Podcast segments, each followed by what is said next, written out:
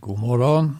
Vi ska nu fortsätta läsa andra delen här av boken av Watchman Nee om själens inneboende kraft. Bara en liten påminnelse. Första delen gick vi igenom Adams skapelse och den förmåga som han hade. Watchman Nee tar ju exemplet då att Gud ställde fram alla himmelens fåglar och markens djur. Och att mannen, står i 20 versen, första Moseboks andra kapitel, mannen gav namn åt alla boskapsdjur, åt fåglarna under himlen och åt alla markens djur. Hur skulle han kunna göra det om han inte hade en oerhörd själsförmåga, intelligens? Och därför tar, nu, tar vi vid här och läser vidare.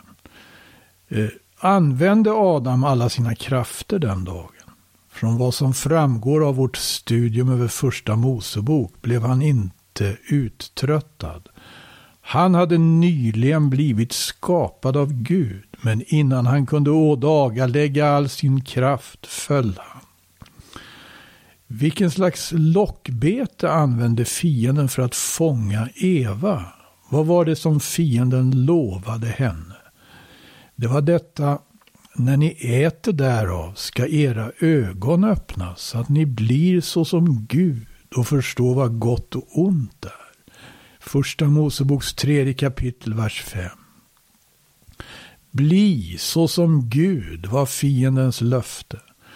Han talade om för Eva, trots den makt hon redan ägde, så var det fortfarande ett stort gap mellan henne och Gud. Men om hon åt av denna frukt så skulle hon få Guds auktoritet, visdom och makt. Och den dagen vart Eva frestad och föll.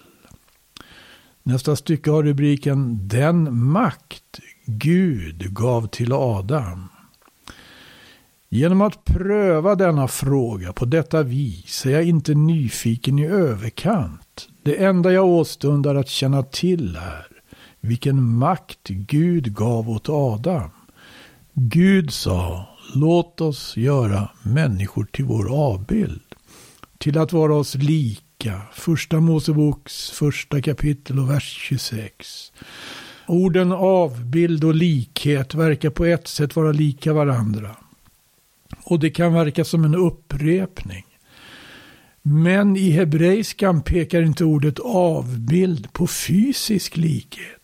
Utan det anger snarare en moralisk eller andlig likhet. Någon har framställt det så. Att förvandlas till likhet. Vilket innebär att formas till likhet. Guds avsikt var att skapa människan för att hon skulle förvandlas till Guds avbild. Gud ville att Adam skulle likna honom själv. Djävulen sa, ni ska bli så som Gud. Men Guds ursprungliga avsikt var att Adam skulle förvandlas till hans likhet. Av detta drar vi slutsatsen att innan fallet hade Adam inom sig potentialen att bli lik Gud. Han ägde en inre förmåga som gjorde det möjligt för honom att bli lik Gud. Han var redan lik honom till sitt yttre framträdande. Men han var ordinerad av Gud att bli honom lik moraliskt. Jag använder ordet moralisk för att ange det som står över det materiella, inte bara som något som visar på människans goda uppförande. På detta vis demonstreras för oss hur stor förlust mänskligheten har lidit genom fallet. Adam är en själ Hans ande och kropp förenas i hans själ. Ja, nu är vi inne på nästa stycke som har rubriken Människans fall.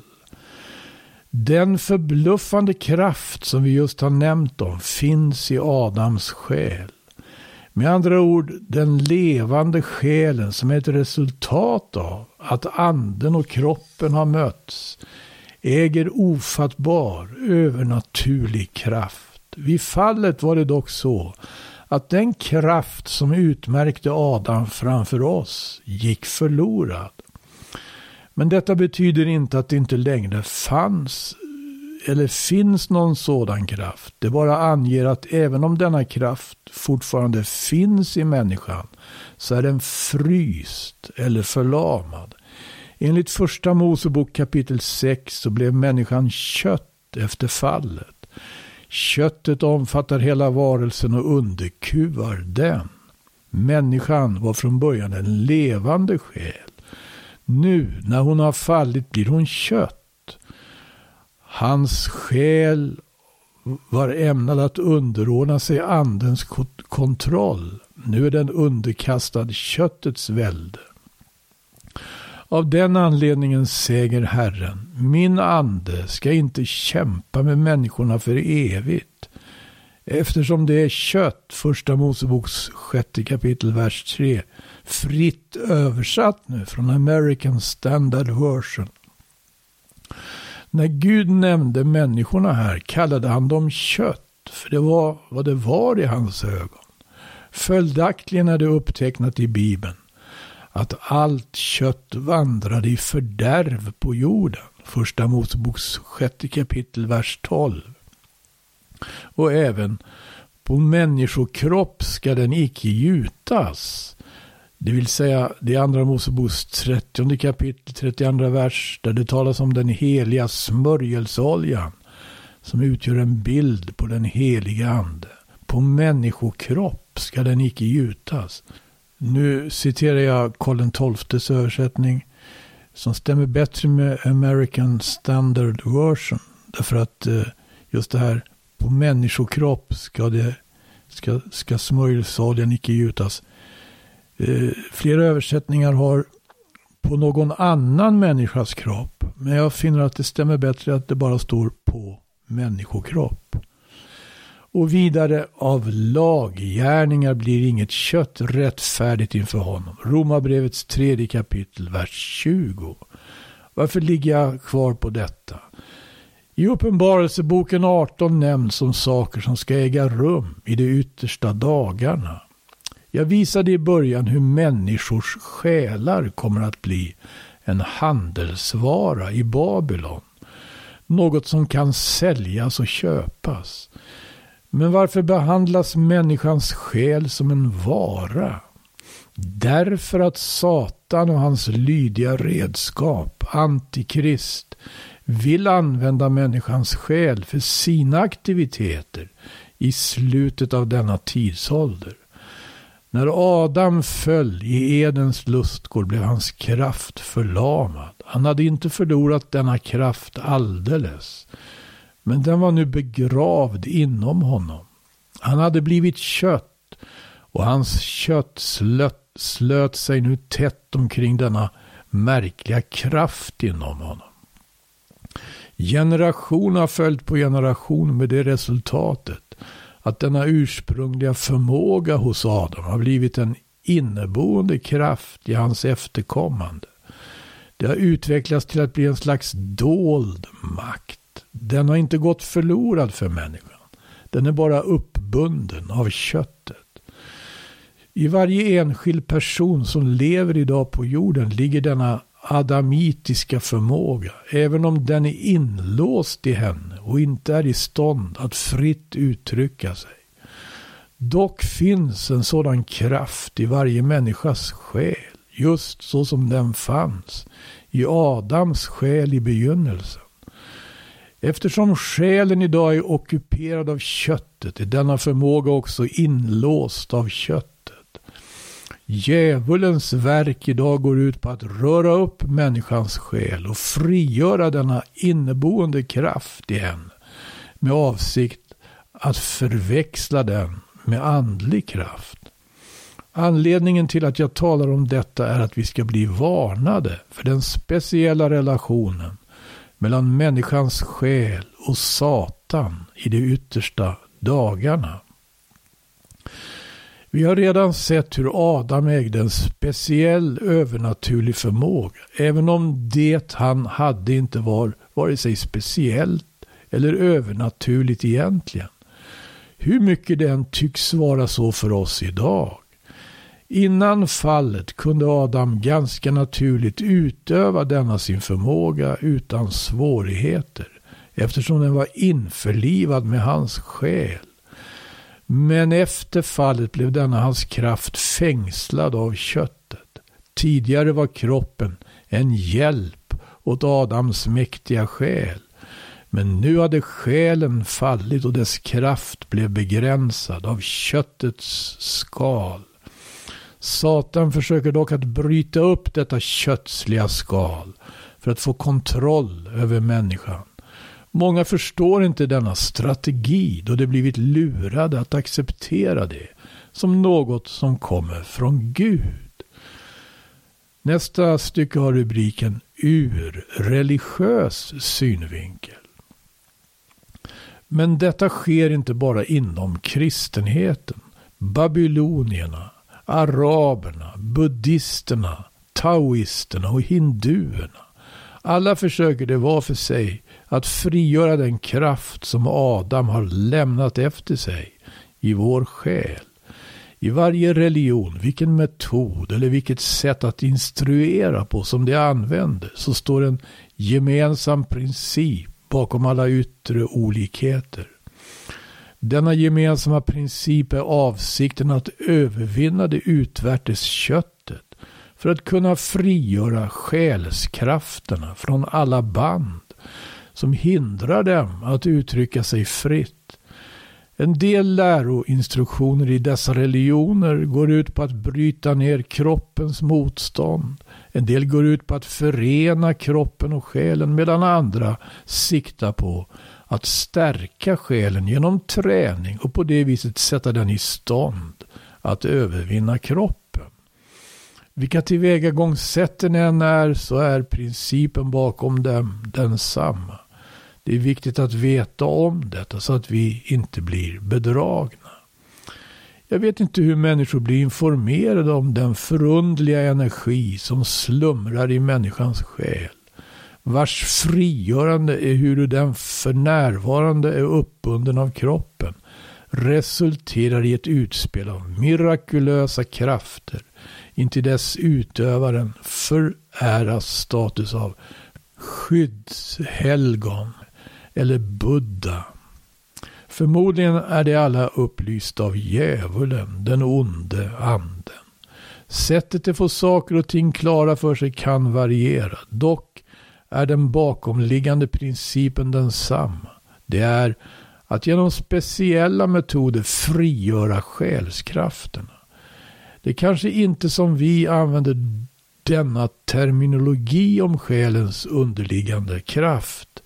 Men fakta går inte att missbedöma. Till exempel i buddhismen och i taoismen och även i en del kristna sekter så är en särskild övernaturlig kraft tillgänglig för alla till att utföra mirakel som att bota sjukdomar och förutsäga framtiden. Ta som exempel den asketiska praxisen och andningen inom taoismen och även de enklaste former av abstrakt meditation.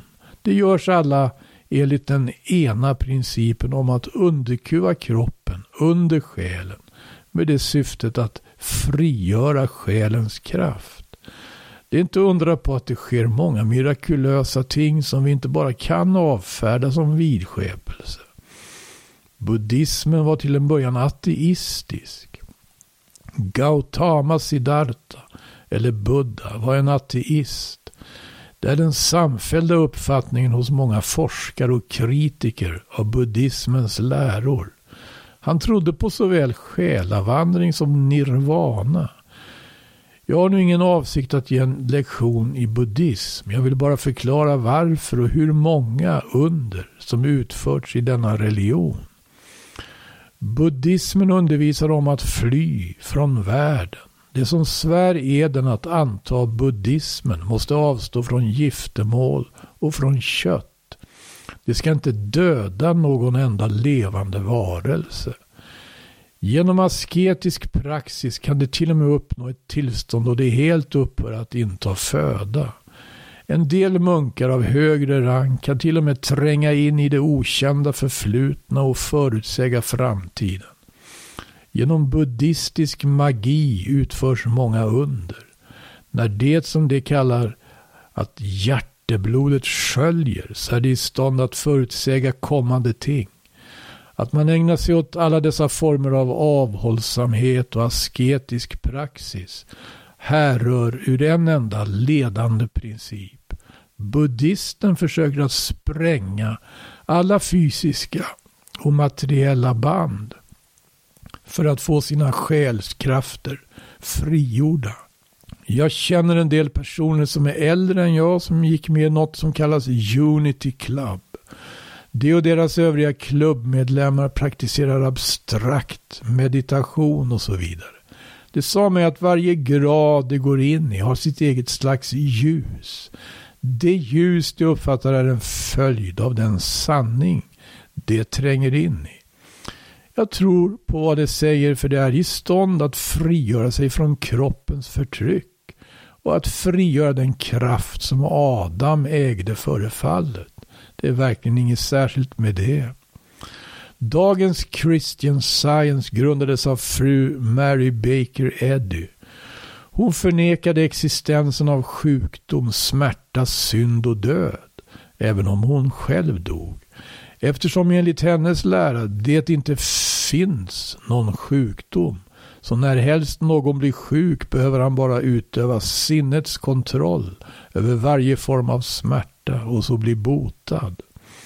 Detta betyder att om man tror på icke-sjukdom så blir man inte sjuk. På samma vis, om man tror på ingen synd så syndar man inte. Genom att träna den mänskliga viljan, sinnet och känslorna till den punkt där man absolut förnekar förekomsten av dessa ting.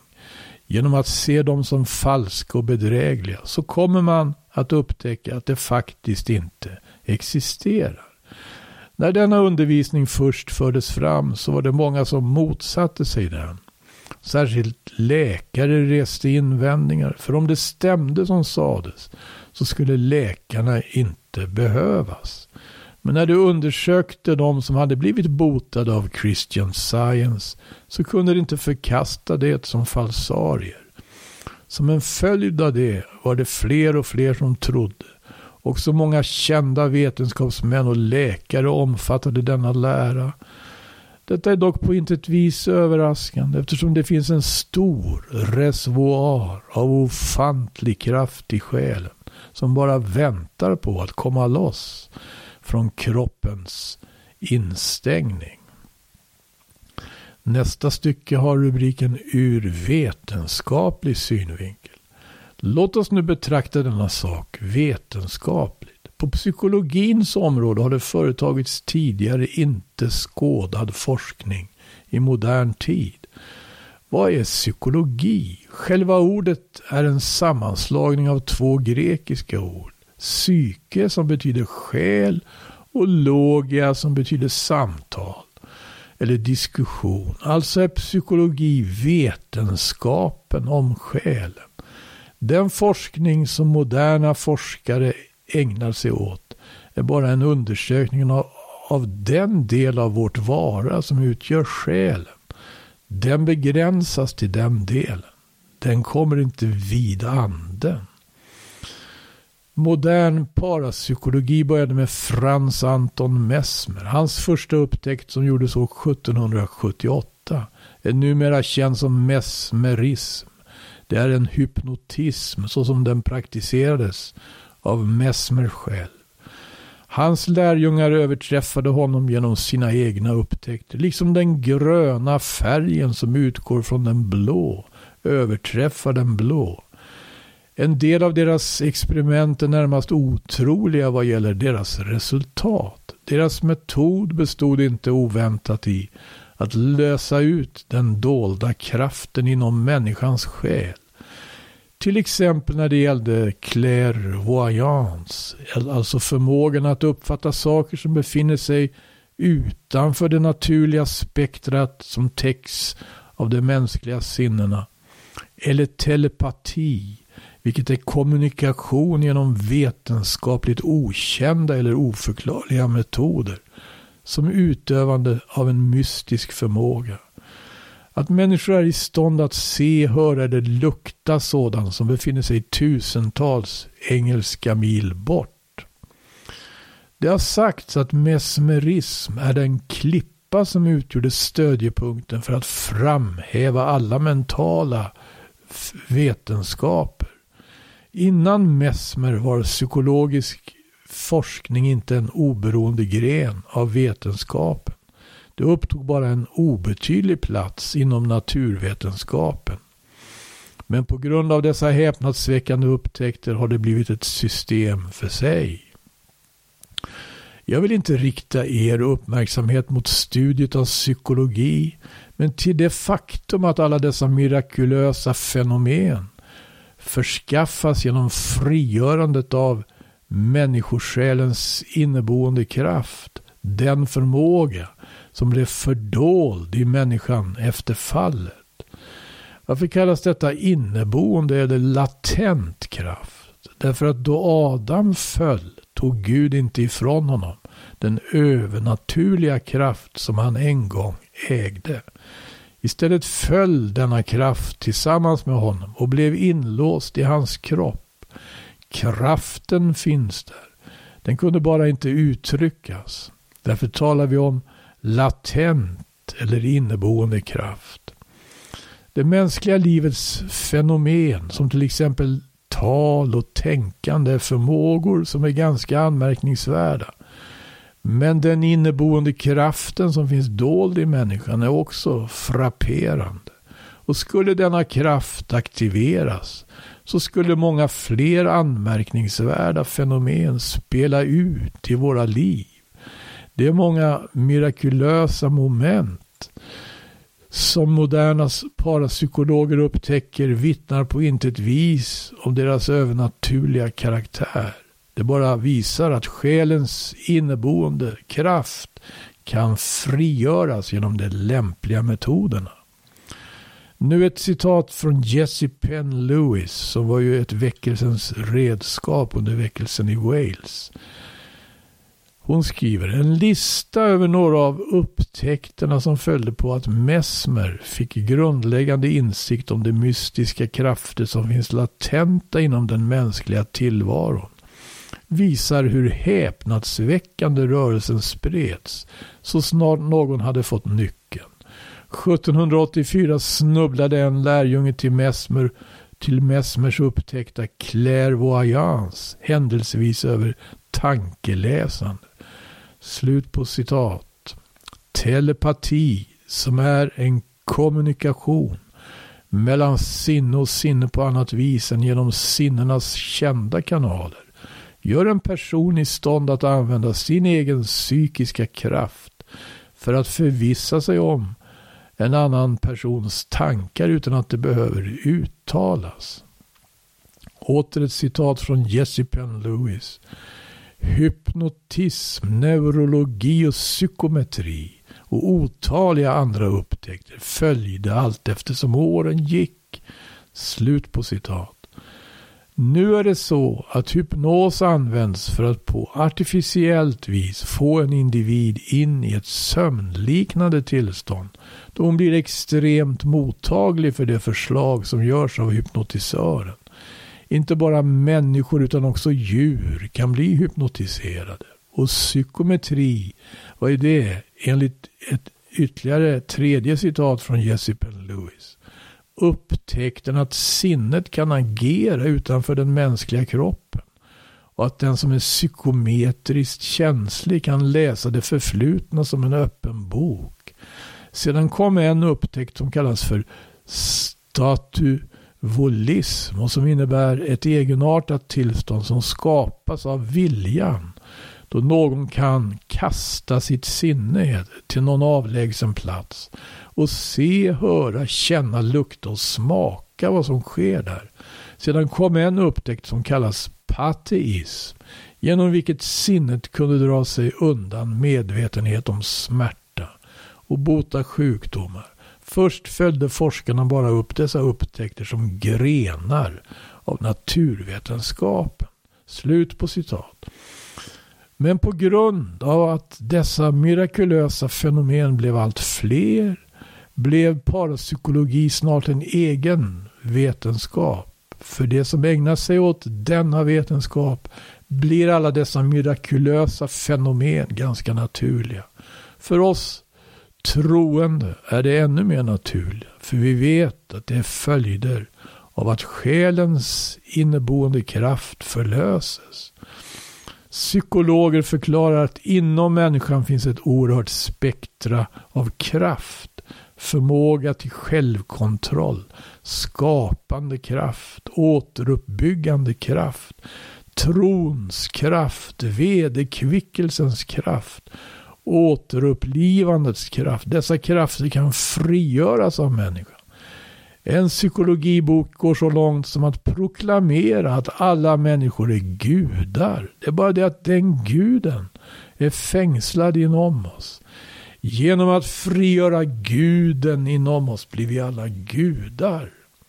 Hur påminner inte dessa ord om Satans ord?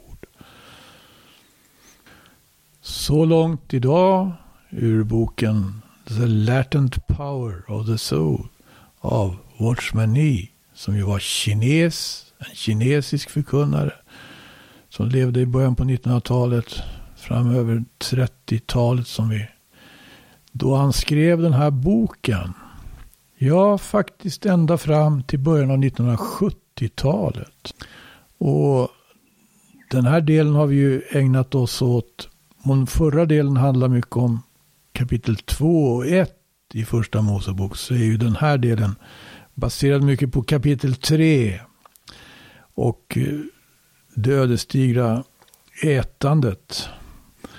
Då de åt av frukten på det träd som Gud hade förbjudit dem att äta av. Trädet, kunskapens träd på gott och ont. Och följderna av detta. Ja, vi ska fortsätta i denna bok. Tack för den här gången.